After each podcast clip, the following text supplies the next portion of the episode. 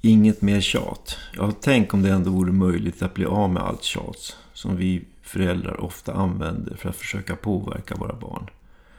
Någon gång ska de väl ändå fatta. Hur som helst så verkar det inte fungera utan snarare tvärtom. Det blir mer motstånd. Ofta får man höra. Lägg av. Ge dig nu. Ja men släpp det. Jo det fixar sig och annat. Och vad beror allt då det här på? Sympati, omtänksamhet. Vi vill väl. Vi har vanligtvis sympati för våra barn. Och genom tjat så ska det väl någon gång bli bättre. Sympati kan bidra till att vuxna själv gör det som våra ungdomar borde göra. Vi hjälper till.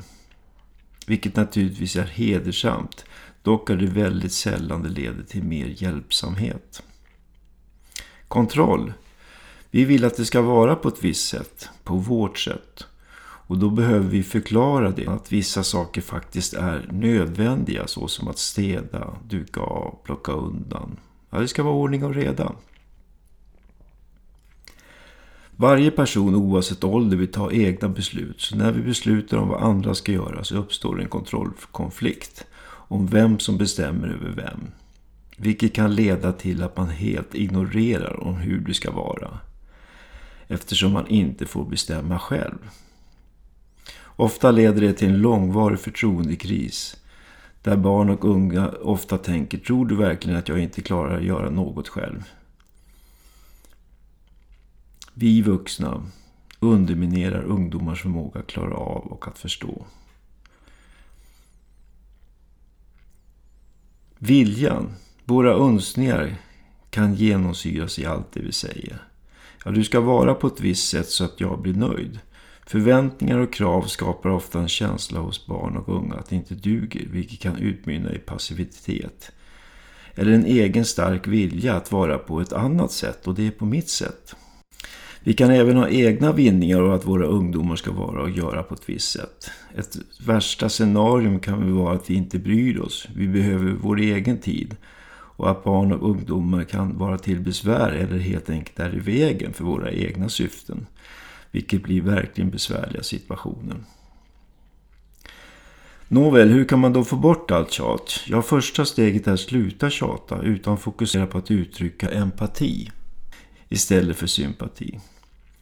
Visa i största vänlighet att du försöker förstå hur ditt barn har det och tänker med empatiska stärkande uttryck. Att du vill bestämma själv. Du är less på allt tjat.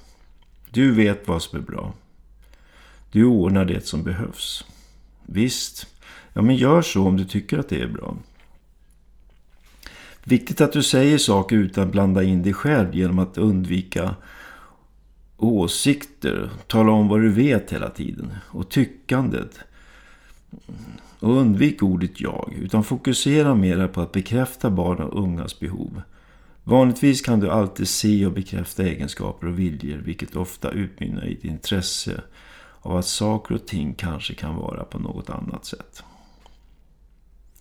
När det finns en relation kan ni äntligen tala om konsekvenser med vad som är bra och vad som är mindre bra. Istället för att ständigt tala om vad som är rätt och fel. När ungdomar själva kommer till insikter så uppstår samförstånd. Så tålamod, ödmjukhet och uthållighet är något som vi ständigt behöver träna på. Så att vi människor kan komma till logiska slutsatser. Avslutningsvis är det dessvärre lätt med att lägga in en liten skuldbeläggning när man försöker vara neutral. Till exempel när du gör sådär får jag ju plocka upp efter dig.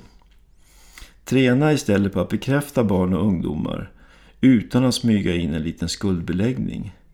Utan fokus på barnets handlingar och konsekvenser och framförallt i största vänlighet. Tankeväckande frågor kan alltid vara utmanande. Ja, men nu blir jag lite nyfiken. Är det möjligt? Skulle du kunna tänka på att fundera på hur man ska klara av det här med skolan, studier, läxor och samtidigt hinna med att göra en hel del annat? Vad säger du? Tankeväckande frågor behöver tid för att landa, så ställ vänliga frågor utan att förvänta dig något svar. Och när barn och unga säger Ja, ja, kan du gå nu? Eller kanske till och med lämna rummet? Ja, då har du lyckats med att skapa en ny fundering. Ja, tack för din uppmärksamhet. Prova gärna något och bli lite förvånad.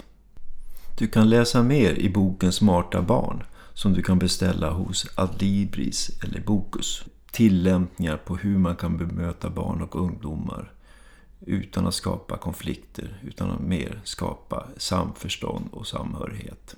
Tack för att du ville lyssna en liten stund.